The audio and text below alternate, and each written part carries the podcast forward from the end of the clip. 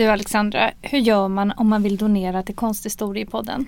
Jo, då går man in på vår Instagram-sida och så går man in på länk i bio och där finns det en knapp som heter Ge en slant till Konsthistoriepodden och den klickar man på.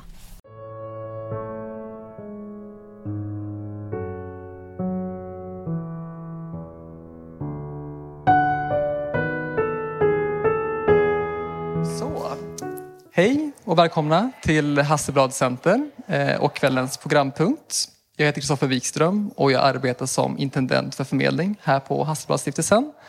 Eh, och idag är det mitt nöje att presentera Konsthistoriepodden som jag gömmer sig här bakom mig med konstvetarna Alexandra Frid och Alexandra Herlitz som ska hålla ett livestreamat poddsamtal eh, med utgångspunkt i Dwayne Michaels fotografier.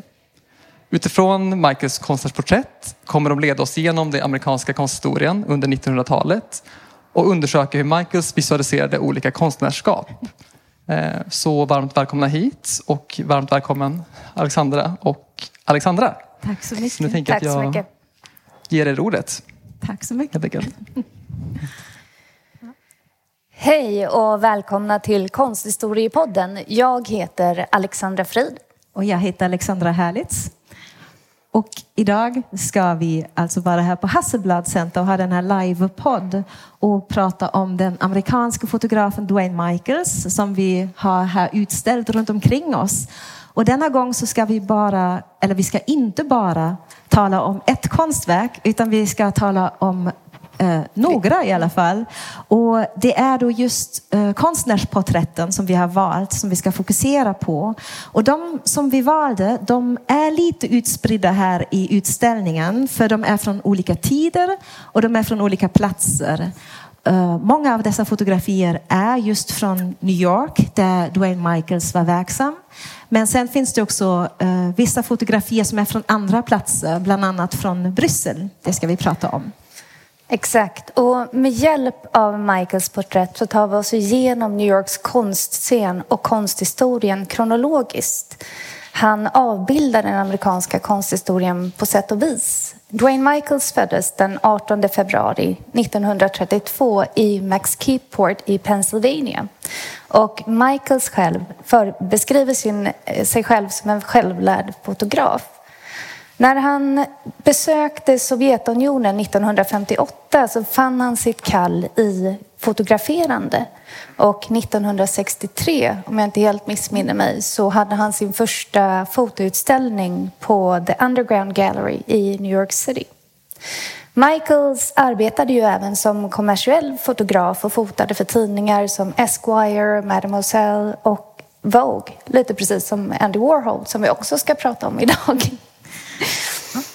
Så i det här samtalet så kommer vi alltså ta oss igenom olika stilar som konstnärerna arbetade i. Och vi kommer att prata om de konstnärer som Michaels avbildade och hur de blev avbildade av Michaels. Och det är allt från döda, surrealismen, abstrakta expressionister och popkonstnärer i de porträtten som vi har valt. Precis. Och att porträttera en konstnär, det är ju en väldigt speciell uppgift. Eh, I ett porträtt försöker man ju alltid att fånga en persons personlighet, så att säga. Men, och det är ju en bedrift i sig. Men om man då ska uh, porträttera en konstnär som själv arbetar i det visuella fältet, då kan man ju ha en ambition att man uh, försöker återspegla uh, konstnärens eget visuella uttryck i porträttet. Och um, det tänker vi det är någonting som vi ska uh, följa upp lite i det här samtalet. För när man talar om konstnär eller om konstnärskap till exempel, det begreppet, då, då förstår vi ju att vi lägger i princip ihop personen som skapar och konsten som skapas. Så pass tätt förknippad ser man alltså att en konstnär är med skapandet eller med verken. Och det är alltså det som vi ska fokusera lite på. Hur visualiserar Dwayne Michaels de här konstnärerna? Och I det här samtalet så har vi alltså valt konster där man kan föra den här typen av resonemang. I de porträtt som vi har har vi valt ut och där vi verkligen kan se hur Dwayne Michaels förmedlar den här idén kring konstnärernas konstnärskap och hur de blir synliga i porträtten. Så i Michaels porträtt, eller i de här fotografierna runt omkring oss, så befinner vi oss i de här konstnärsporträtten i alla fall, så befinner vi oss i princip från 1960-talet och framåt. Eh, men han porträtterar även konstnärer som är historiska, alltså som har varit aktuella innan 60-talet. Eh, och de har vi alltså med för att vi eh, menar då att de haft ett stort inflytande på den amerikanska konsthistorien, att de har lämnat ett avtryck. Eller att de haft ett inflytande på Dwayne Michaels eget skapande. Det kommer vi också se. Precis, och inte minst blir det väldigt tydligt i till exempel Magrittes fall. Och det är också någonting som vi kommer att komma tillbaka till under föreläsningens gång. Mm. Och tittar man på vår konsthistorieskrivning så är det ju så att um, man skiftar fokus mellan olika länder, olika konstcentra. Så under renässansen så är man i Florens och i Venedig ganska mycket i konsthistorieskrivningen. Och eh, under barocken går man till, eller riktar man blicken till um, Rom eller till Paris och Versailles utanför Paris.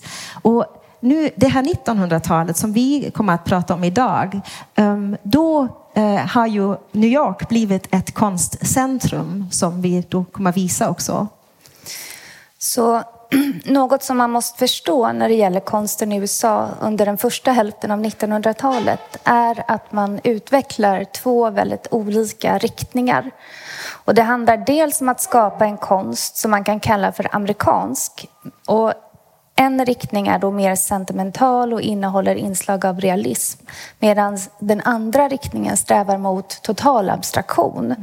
Mm. och man brukar säga att man vill frigöra sig från det europeiska arvet. Och det är en svår tidsperiod med flera världskrig, ekonomisk uppgång och fall, förbudstiden, förföljelse och immigration. Samtidigt som samma period kan beskrivas som banbrytande, innovativ, expanderade och nationsbyggande. Och en person som ofta nämns som en väldigt viktig person i det här sammanhanget är ju fotografen och galleriägaren Alfred Stieglitz Eh, som dels ställde ut europeiska konstnärer men som även hjälpte till att ställa ut den amerikanska avantgarden eller de till, konstnärerna som tillhörde den. Eh, och han var också en av de viktigaste förespråkarna för modernismen och ehm, som redan då under eh, och innan första världskriget hade organiserat flera mindre utställningar med viktiga eh, modernismer på sitt galleri 291 Fifth Avenue vars dörrar slog upp redan 1905. Och från 1907 och fram till 1913 så fortsatte Stiglitz med utställningar för att introducera europeiska modernistiska konstnärer eh, samtidigt då som det odlades en krets av unga amerikanska konstnärer som eh, inkluderade bland annat Arthur Dove och Martin Hartley, eh, Hartley till exempel. Mm. Vi närmar oss vårt första porträtt. Mm. Vi har alltså i New York från 1910-talet framåt en konst som anknyter till de stilarna som vi har i Europa. Och det är också så för att vi har bland annat de här europeiska konstnärer som flyr undan första världskriget. Och i detta samband är det just en utställning som förändrar väldigt mycket. Den kan du berätta om. Ja, och det, det är ju The Armory Show från 1913 som blev då en väldigt eh, viktig internationell utställning där över tusen moderna konstnärer visades. Och för första gången så blev då en bredare amerikansk publik introducerad till moderna europeiska uttryck och favister och kubister skulle göra ett stort avtryck på den amerikanska konstvärlden och inte minst på konstnärerna eh, och hur de sedan då skulle utvecklas. Och om man ser då på bilder från The Armory Show så ser vi ju eh, fler alltså modernistiska stildrag från Europa. Och här ser vi också Marcel Duchamps Naken kvinna som går ner för en trappa nummer två som eh, Alexandra strax ska berätta om. Den ser vi längst till vänster här ja. i det här svartvita fotografiet. Och, men först ska vi säga vem det handlar om. Alltså. Det är Marcel Duchamp som har målat denna. Och då är vi alltså inne i det här första porträttfotografiet. Och tittar vi på Dwayne Michaels fotografi så ser vi genast den här digniteten med vilken han avbildar denna äldre man som alltså har varit så betydelsefull för konstens utveckling i New York. Och nu för tiden ser vi honom som en pionjär ehm, eftersom han undersökte konstbegreppet och vad konst kan göra, vad konst får göra. Och med dessa konstnärliga experiment eh, som han då delvis utförde i New York ehm, kom han att bana vägen för både konceptkonsten, popkonsten, performancekonsten, alltså många senare stilar som man hade under 1900-talet. Och Marcel Duchamp är alltså själv född i Frankrike, men 1915 då flydde han undan första världskriget tillsammans med Francis Picabia och tog sig då från Paris till New York. Och han hade faktiskt då orienterat sig mot New York tidigare, för han var nämligen en av de här konstnärerna som vi har sett som 1913 ställde ut i Armory Show. Och då visade han alltså denna målning som eh, Alexandra nämnde, Naken kvinna som går ner från trappa nummer två. Um, och um, det är alltså en målning som både hade kubistiska och futuristiska element. Och, eh, den visar en kvinna i rörelse, precis som det anges i titeln. Och Duchamp hade då eh, tagit inspiration från fotografin och i detta fall av Edward Mybridges eh, fotografiserie Woman Walking Downstairs från 1887. Och det som kan sägas om Marcel Duchamps målning, det är att den väckte mycket uppseende på Armory Show i New York. Och detta menar jag verkligen inte bara positivt, utan eh, många kände sig väldigt provocerade av eh, denna avhumaniserade framställning av den mänskliga kroppen som vi ser här. Men hur som helst betydde det att Marcel Duchamp Eh, på denna Armory Show 1913 hade gjort sig ett namn i konstscenen i New York. Och när man talar om Marcel Duchamp och New York, då får man tänka på att han bodde där egentligen inte särskilt länge, bara i sex år. För i maj 1921 så flyttade han redan tillbaka till Paris. Eh, men inte utan att ha väckt ännu mer uppseende i New York. Ja, och den konsten som han skulle skapa senare den ser ju i och för sig väldigt annorlunda ut. Och han lämnar ju ganska snart kubismen och skapade konst i New Yorks Dada-anda. Precis. Och Dada är ju en stil som uppstod i Zürich 1916, eh, i Schweiz alltså, och spred sig därifrån till eh, en mängd andra städer i Europa och sen även via Marcel Duchamp och Francis Picabia till New York. Och det var ju en väldigt revolutionär konst kan man säga. Delvis så protesterade man mot eh, nationalismen och också den här krigsbegeistringen och eh, ett samhälle som var så där lydigt och som hade mycket tveksamma värderingar där eh, under första världskriget. Men delvis var det också en konststil som gick i clinch med konstvärlden själv och med alla dessa stilkategorier som bytte av varandra under modernismen. Och det var just denna indelning i olika stilar och kategorier som man vände sig emot. Dada, den skulle inte vara eh, definierbar. Det var en slags antikonst eh, som skulle helt enkelt ja, vara fri och kunna göra parodier av rådande estetiska ideal som fanns och också av konventionella konstformer. Så, och till denna revolutionära konstform har man alltså då valt den här medvetet banala beteckningen dada.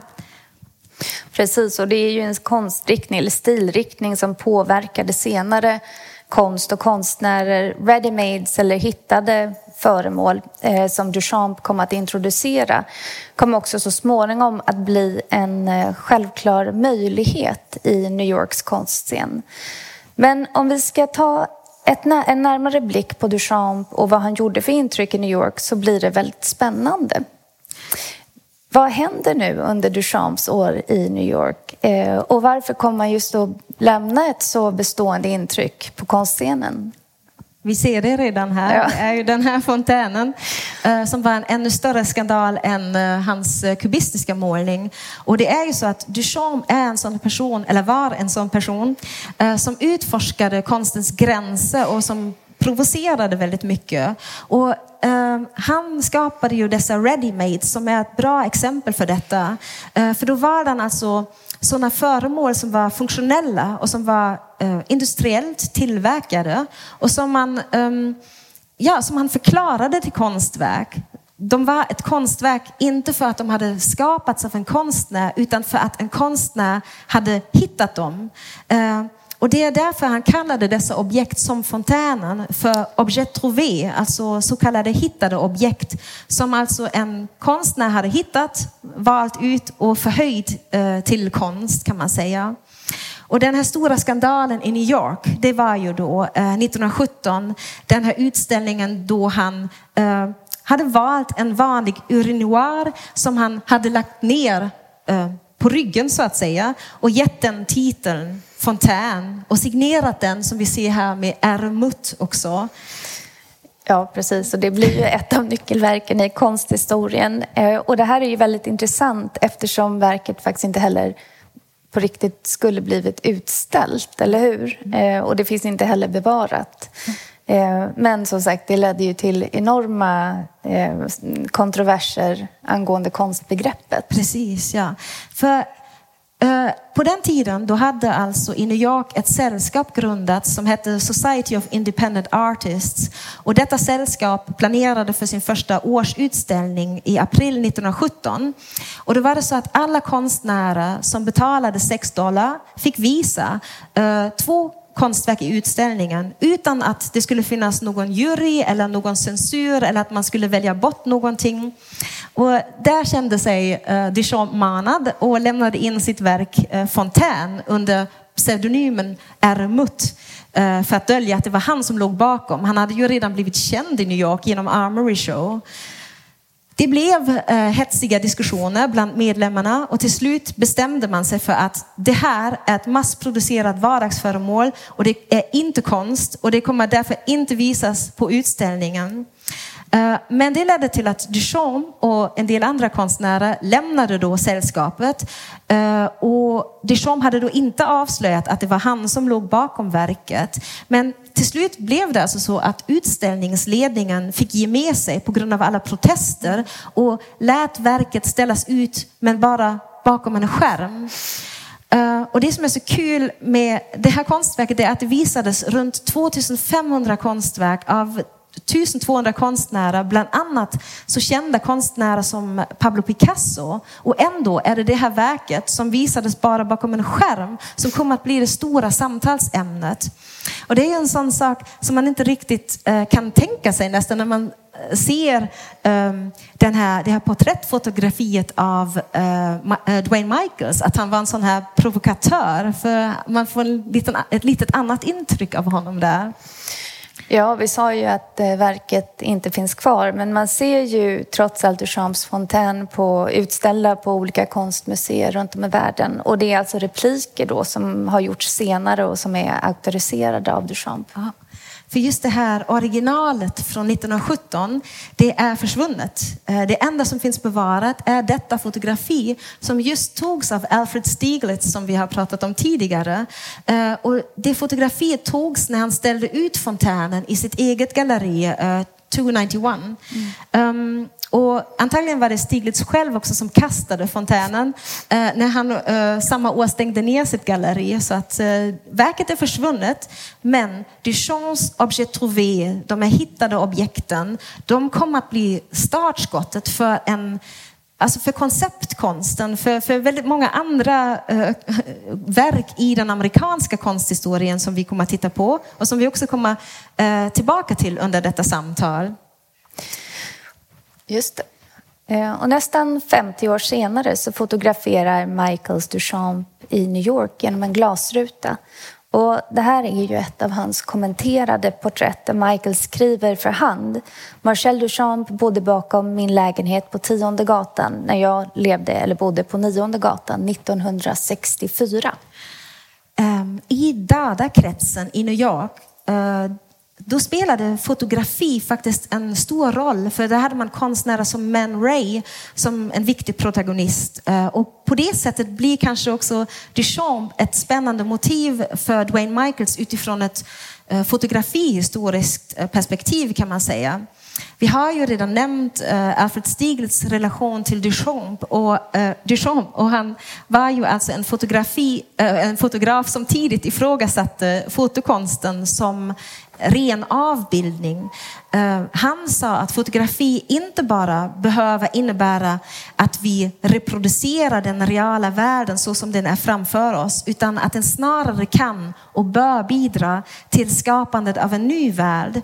Och ett liknande förhållningssätt har vi ju även hos Dwayne Michaels i sitt fotografi som vi kommer att se också under det här samtalet. Och det tänker jag också på när jag tittar på Michaels eh, fotografi av Duchamp. Vi ser eh, i porträttet reflektionerna från husen på andra sidan gatan i fönsterskivan. Till och med lite över Duchamps ansikte. Så ett porträtt som detta handlar ju inte bara om reproduktion, alltså att vi ska få se hur Duchamp såg ut, eh, utan vi ser ju eh, hur han sitter där bakom eh, fönster, fönstret och här, den här starka blicken och också hur han lägger ihop händerna. Och man förstår genast att det är en personlighet av betydelse, av vikt som Michaels avbildar. Och i det här fotografiet tycker jag nästan att han blir en sån här eh, Godfather of Art eh, i New York där han alltså med sin konst har påverkat popkonsten, konceptkonsten, Fluxus och långt senare. Och, och man ser honom här bakom den här glasrutan men ändå är han en sån Eh, kraftfull gestalt. Han finns där liksom, han är med på ett hörn. Lite som hans position i New Yorks egen konsthistoria skulle man kunna säga. Ja, och då verkar det liksom fotograferat underifrån så får man också det intrycket att Michaels mm, liksom, har en vördnad för honom och verkligen eh, ser upp till honom. Men man kan ju också se det som, är det liksom en vålnad eller någon som är där på plats ständigt eh, och som syns då i fönstret för att bevaka området. Det är ju också tankar som, som man får. Ja. Och Michael skrev ju att Marcel Duchamp bodde bakom eh, hans lägenhet, alltså i samma eh, kvarter. Och kommentaren gör ju så att porträttet får en personlig historia. Och vi får ju läsa att de bodde på sam i samma kvarter och då finns det nog en mening med att husen reflekteras i glasrutan. Eh, och det blir ju en del av den här berättelsen på något sätt. Är det Michaels hus som reflekteras i rutan? I alla fall så leder de handskrivna raderna till en sån här berättelse, tänker jag. Och vi ser de här två personerna i samma stad och staden är också en del av porträttet. Uh, ifall ni inte kan läsa vad som står här så står det ju, uh, om man översätter, Marcel Duchamp bodde bakom min lägenhet på tionde gatan mm. när jag bodde på nionde gatan 1964. Så på det sättet blir det den här personliga mm. kopplingen då. Och Ja, där, där. På många sätt så var det ett stort och ett radikalt steg i konsthistorien som togs och många gränser överskreds och det blev liksom ytterligare ett steg i riktningen att konst inte bara ska avbilda verkligheten utan vara mycket mer än så. Och det finns alltså några Dada-konstnärer som fortsätter med surrealismen. Så jag tänker att vi ska gå vidare här nu och prata om surrealismen. Ja, och det finns ju en person som verkligen utmärker sig för att eh, framhäva eh, surrealismen i New York från ett ganska tidigt stadium och det är ju Peggy Guggenheim som ni säkert har hört talas om. Och Peggy Guggenheim drev eh, under den här tiden galleriet Art of the Century eh, samtidigt då som hon var en förespråkare för den amerikanska modernismen och surrealismen. Och Guggenheim, lite som Stiglitz då, fast lite senare, ställde ju ut de här europeiska modernisterna men också senare de amerikanska så som Jackson Pollock och eh, Louise Nevelson som vi ska prata om eh, alldeles strax på sitt galleri. Och eh, hon var också även gift under en tid med den surrealistiska konstnären Max Ernst eh, som även han har fått en väldigt viktig plats i den amerikanska surrealismen.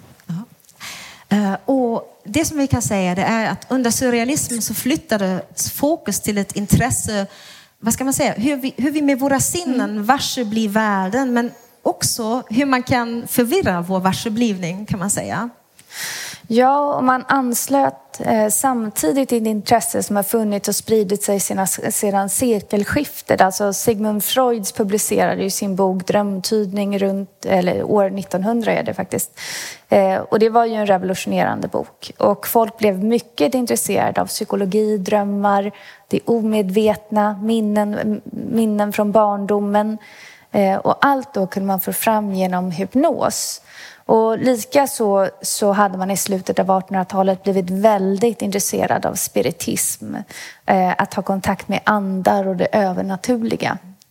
Och surrealisterna eh, de menade alltså att allt som vi kan uppfatta med vårt förstånd eller med vårt förnuft är bara en liten del av de erfarenheterna som vi gör. Det finns mycket betydelsefulla erfarenheter som är irrationella, som vi gör inom fantasin eller inom drömmar.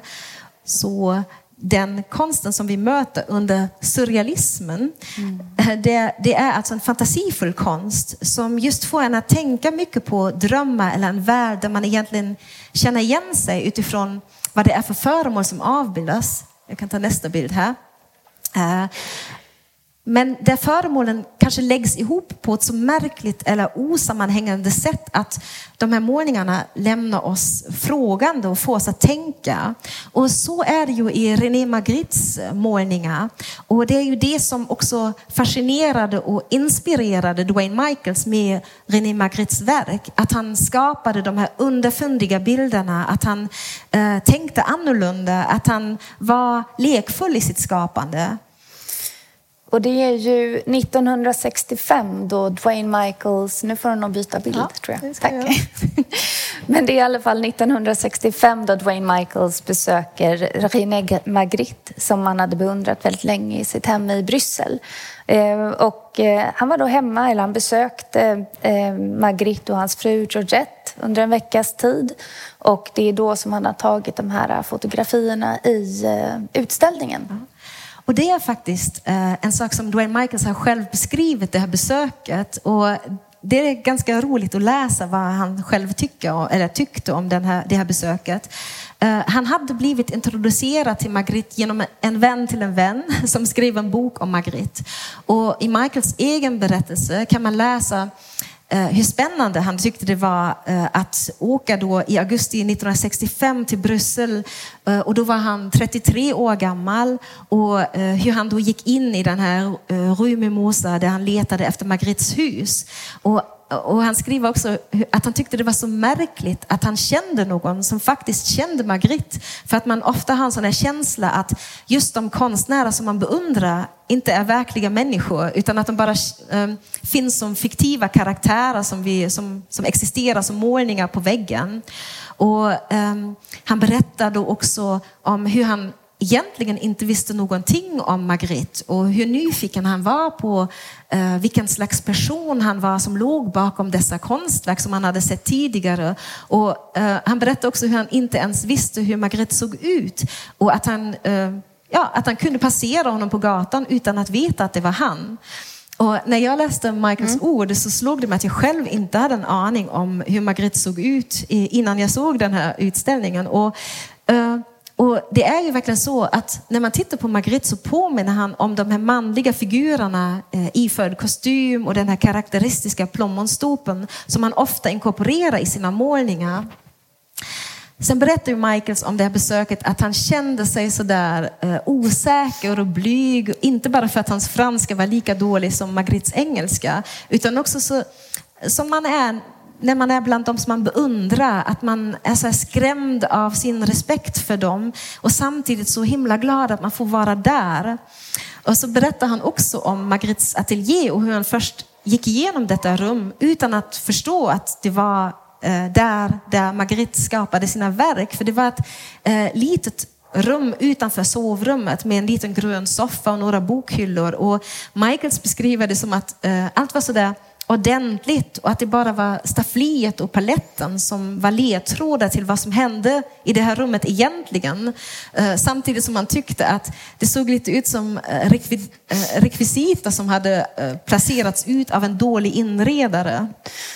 Jo, och Michael såg ju aldrig Magritte måla in real life om man säger så, men han föreställde sig i alla fall, det har vi läst om, att Magritte skulle stå och måla i för den här kostymen och slipsen som han alltid bar. Om det stämmer, det vet vi ju inte, men eh, det förefaller så.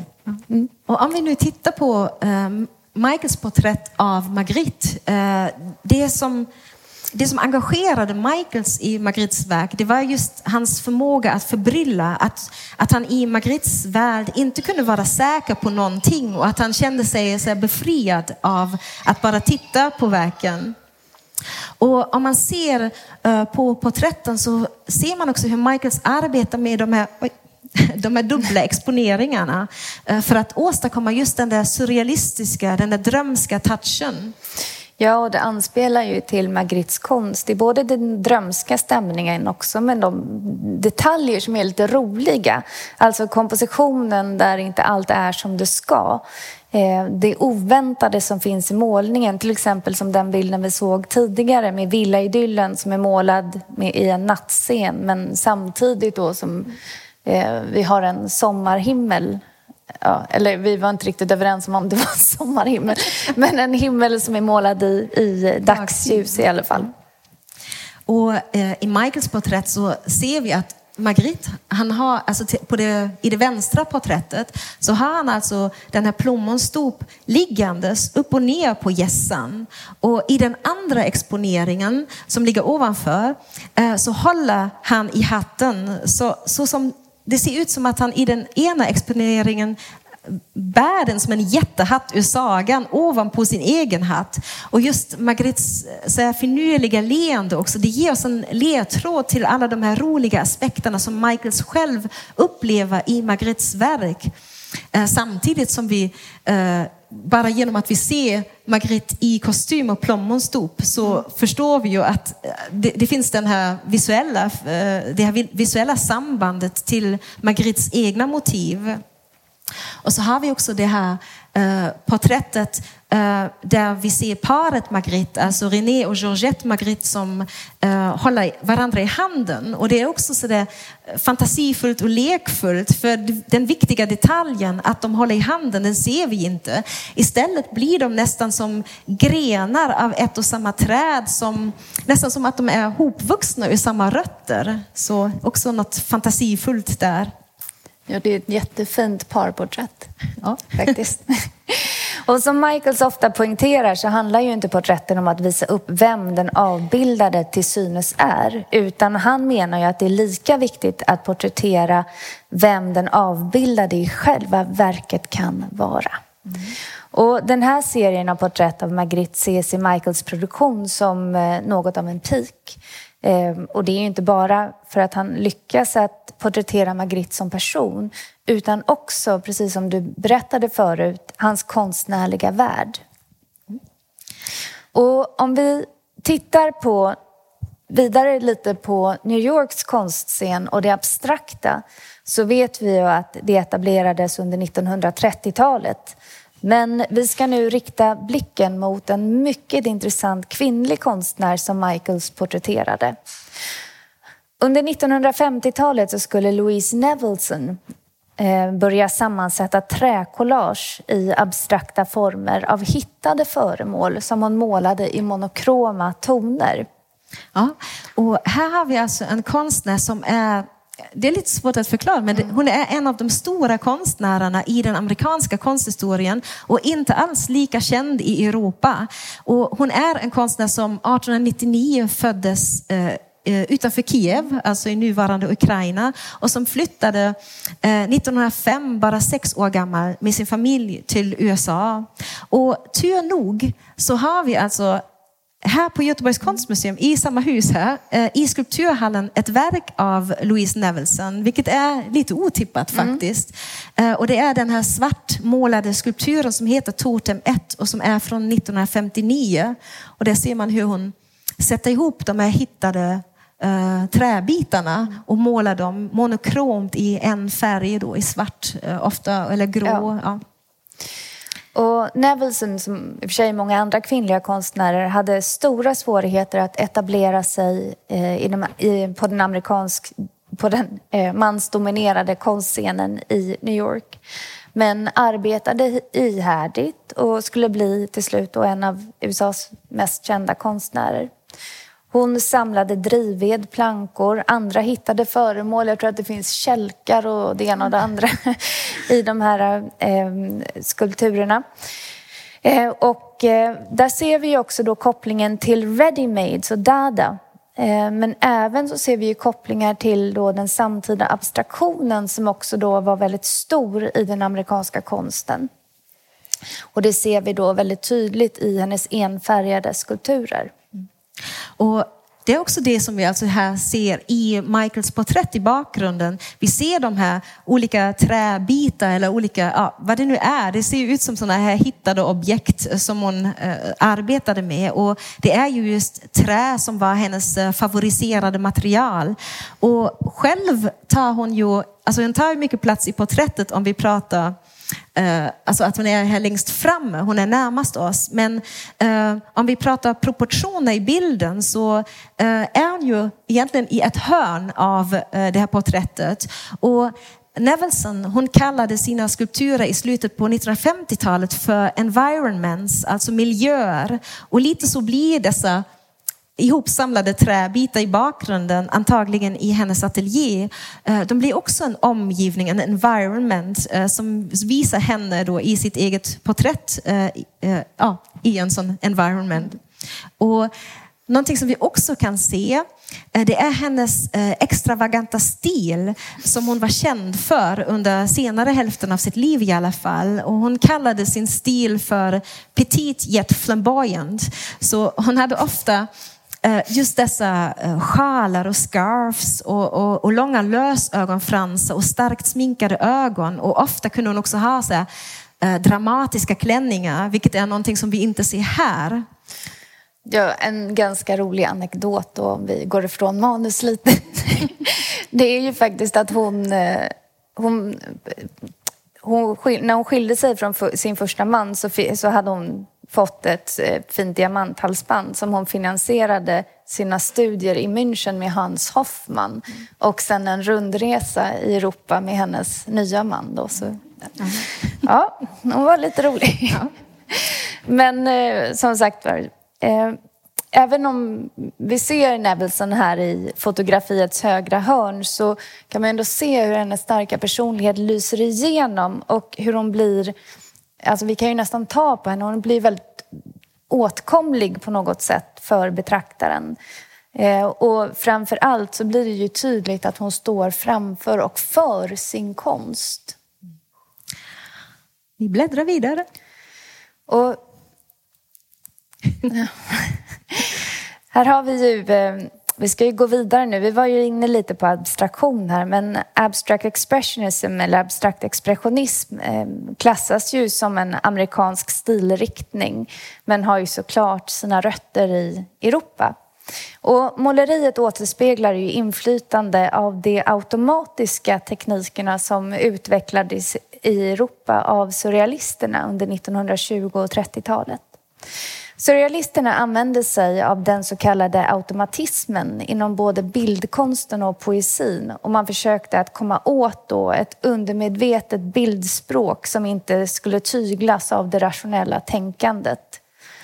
Ehm, Medan den surrealistiska automatismen som i princip bestod av klotter utan konstnärens medvetna kontroll Eh, var främst utformad då för att väcka omedvetna associationer hos betraktaren handlade den automatiska aspekten inom abstract expressionism främst om att ge konstnärens instinktiva, kreativa krafter fritt spel och avslöja dessa krafter direkt för betraktaren. Och vi ska prata lite om Willem de Koonings målningar. Från, och han började ju arbeta på 1930 och utveckla sitt måleri under 40-talet. Han eh, umgicks med Jackson Pollock och de hade ju en egen klubb på The Cedar Tavern i Greenwich Village och så vidare. Men hur som helst så börjar de Kooning måla geometriska eller biomorfiska former i starka färger. Men han är ju såklart mest känd för den här typen av kvinnoporträtt. Eh, och det skulle utvecklas eh, under en period för att senare eh, bli mer och mer abstrakt. Du glömde att påpeka att det var hans fru. Skulle jag påpeka? Nej, jag vet inte, men jag tänkte att jag skulle få med det också. Ja, jag skulle inte vara supernöjd, men... Vi ska prata om Dwayne Michaels porträtt ja. av Willem de Kooning. Och som okay, vi ser så är, så är det väldigt speciellt. För vi ser inte den porträtterades ansikte, utan han sitter, med ryggen, sitter eller står med ryggen mot oss och mot Michaels kamera. Och um, vi känner igen eh, uh, de Koning mest via den här målningen som skymtar bakom honom. Och vi ser honom med det här uh, välkammade gråvita håret och hur han själv ser på målningen. Uh, sen har han arbetskläder på sig, ser det ut som. Han bär snickarbyxor ovanpå en enkel vit t-shirt. Och, uh, Eh, och genom att vi ser honom i sina arbetskläder så får det här fotografiet en dokumentär kvalitet nästan, som att eh, vi får följa med honom till ateljén in i hans privata sfär där han skapar, som vi ju även fick se i Louis Nevelsons porträtt antagligen. Ja, och när man ser den här målningen med konstnären framför verket på det här sättet så blir det väldigt ledsamt när man tänker på att de Kooning bara några år senare skulle bli diagnostiserad med Alzheimers. Och linjerna i målningen får ju då en annan typ av innebörd, i alla fall för mig. Det är som att vi får se eh, oredan bland minnen och tankar på den här vita duken som vi har framför oss. Och en konstnär som försöker att förstå livets sammanhang. Och när sjukdomen blev ja, mer ja, eskalerade eller trappades upp så gav de Kooning upp sitt måleri och han målade faktiskt sitt sista verk 1991. Alltså bara några år efter att det här fotografiet togs av Michaels. Sex år senare. Ja. Eh, jag tycker att hans hängsle som är lite på glid i bilden, det är lite av mitt punktum i bilden om man ska prata om det. Alltså den detaljen som jag fastnar vid. Och när man vet om de Konings liv då så känns det som om detta hängsle som är lite på glid, att det är lite talande, att han är lite på väg därifrån. Samtidigt så finns det ett annat fotografi, ett annat porträtt av Robert Mapplethorpe. Så ser vi hur de Koning ser ut framifrån också. Mm. Och det är taget ett år senare och då ser vi alltså de Koning i samma typ av kläder, också med en målning bakom sig och också med ett hängsle på glid. Mm. Men den stora skillnaden är ju att vi i Michaels porträtt inte ser de Konings ansikte. Och ansiktet är ju det mest individuella. Det är ju det som man tycker borde vara det viktigaste som är med när man porträtterar någon.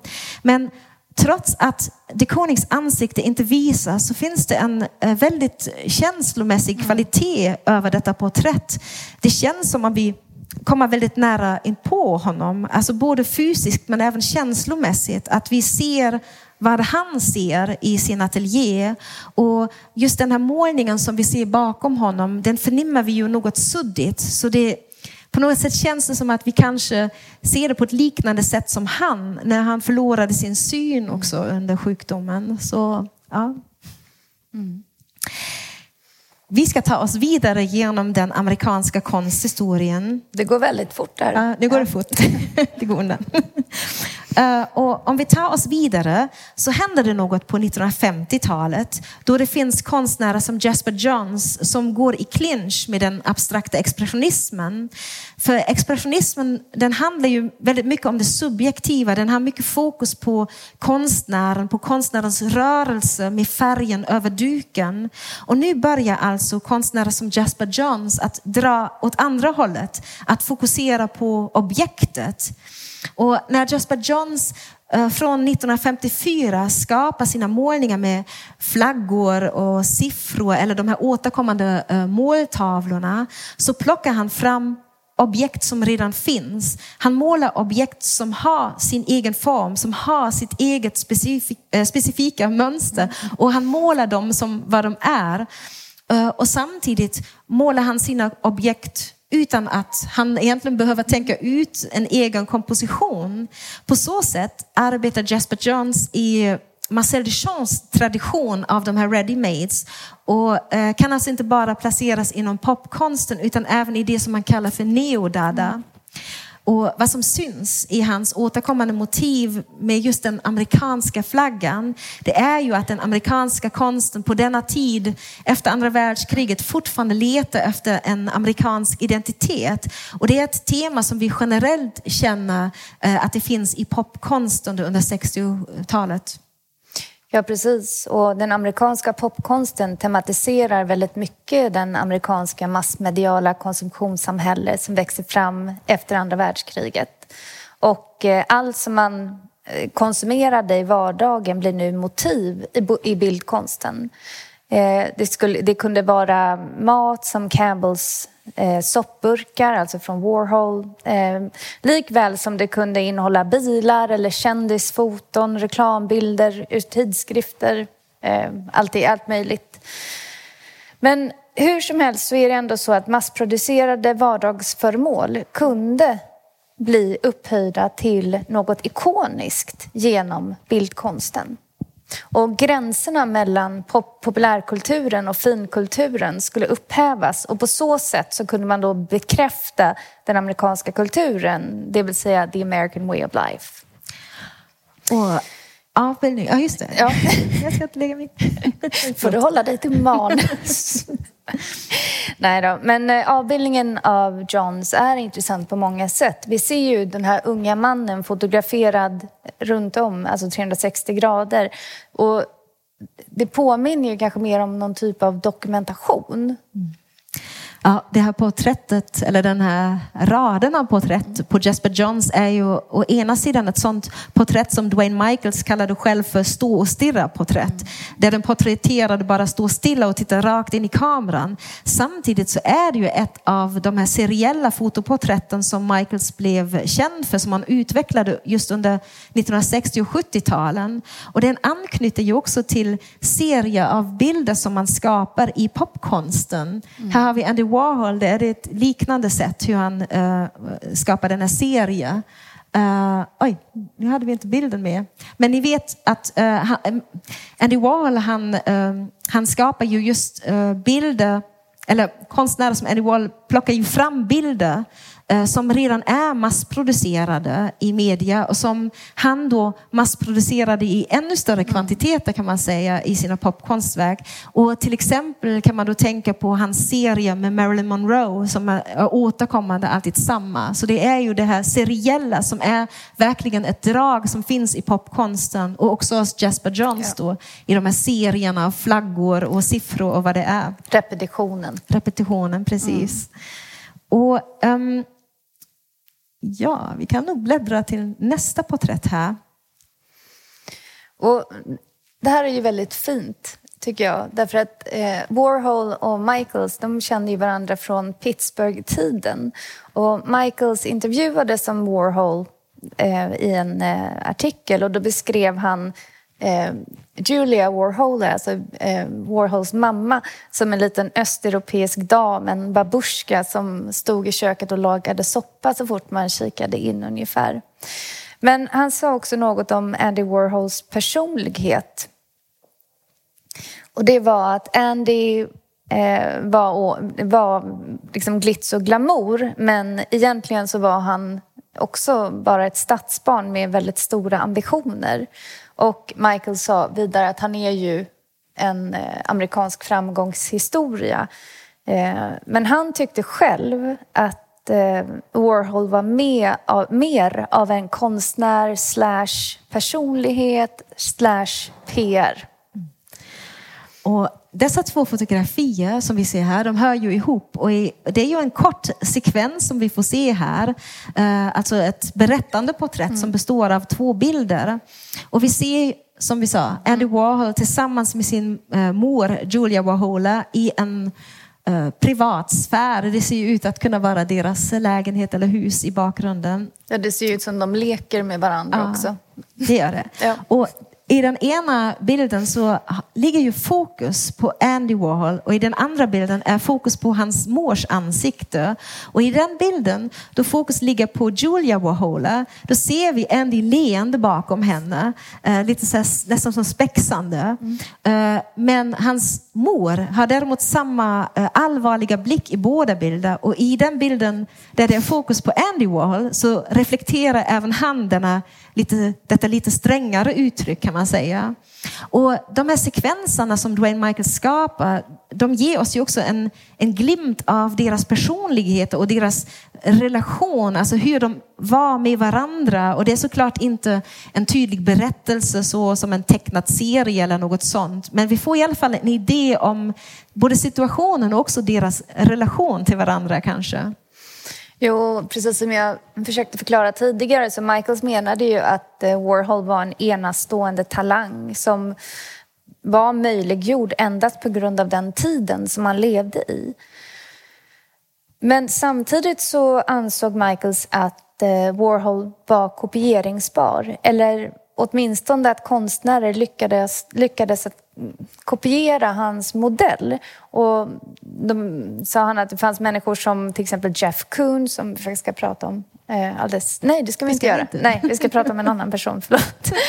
Ehm, men då att Jeff Koons, eh, eh, det den, ja, Andy Warhol 2.0 ungefär skulle man kunna säga. Även, han använde inte de orden, men eh, ungefär. Uppdaterad versioner. Ja, precis. exakt. Men eh, genom Michaels porträtt så tycker jag i alla fall att man kan se att han beundrade Warhol och han ville dokumentera honom och att han såg honom som ett fenomen precis som Warhol gjorde med sina ja, motiv i sina verk. En annan popkonstnär som Dwayne Michaels fotograferade, oj där kom den Ja. Vad trevligt. konstigt. Ja, ja, så brukar det alltid bli att Ja. någon, lägger sig, någon bild lägger sig alltid fel i ordningen. Eh, Men en annan konstnär som Dwayne Michaels fotograferade är David Hockney. Och han eh, är ju en brittisk popkonstnär men han är ju väldigt förknippad med den amerikanska västkusten och Los Angeles där han bosatte sig 1964 eh, efter han har varit i New York i tre år där han etablerade kontakt med faktiskt flera av de konstnärer som vi redan har pratat om här ikväll.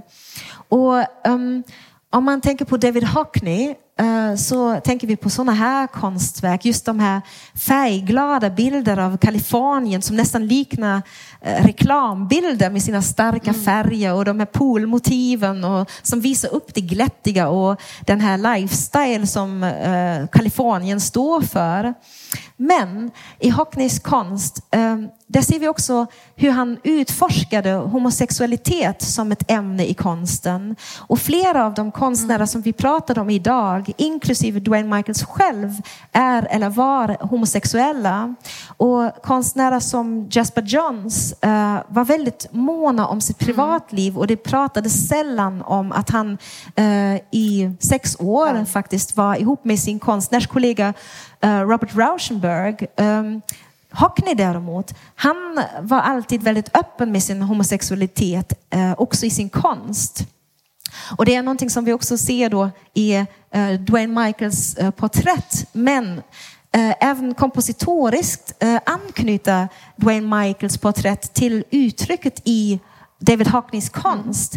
Um, för det här porträttet som Michaels eh, tog, det, det är från 1975 och är då i den här, eller görs då i den här tiden då uh, Hockney själv är i någon slags uh, fotoexperimentell fas. Eh, och den säger man den varar från 1970 till 86 ungefär. Och det är då han skapar sina fotokollage som han sätter ihop av en mängd av polaroidfoton som då sätts ihop så att de blir ett större motiv. Det är kanske lite svårt att se, men det här eh, heter alltså Mother Los Angeles December 1982, så det är ett, ett porträtt på antagligen hans mor, tror jag, den, eh, som då har satts ihop av de här små eh, fotografierna som ett collage kan man säga. Och när vi tittar på eh, det här fotografiet, det här porträttet som Dwayne Michaels tog av David Hockney så ser vi både motiviskt eh, men också kompositoriskt hur han anknyter. Vi ser hur David Hockney eh, sitter och iaktta sin så här, nakna eller halvnakna älskare eller partner som avbildas stort i förgrunden. Så det är, det är det här temat som också finns i David Hockneys konst, eh, homosexualiteten som avbildas. Samtidigt så ser vi att fotografiet är fragmenterat och att det påminner på sätt och vis om hans fotokollage av de här eh, fotografierna som han sätter ihop. Fast här är det ju i själva verket, eh, eller det verkar vara som att Michaels har fotograferat genom en, genom en glasvas eller något liknande, genom ett glas. Så att det blir denna fragmenterade ja. effekt på sätt och vis. Mm. Mm. Men nu får vi nog avrunda detta samtal och det tänker vi göra med ett självporträtt av Dwayne Michaels uh, som vi ser här, I think about thinking.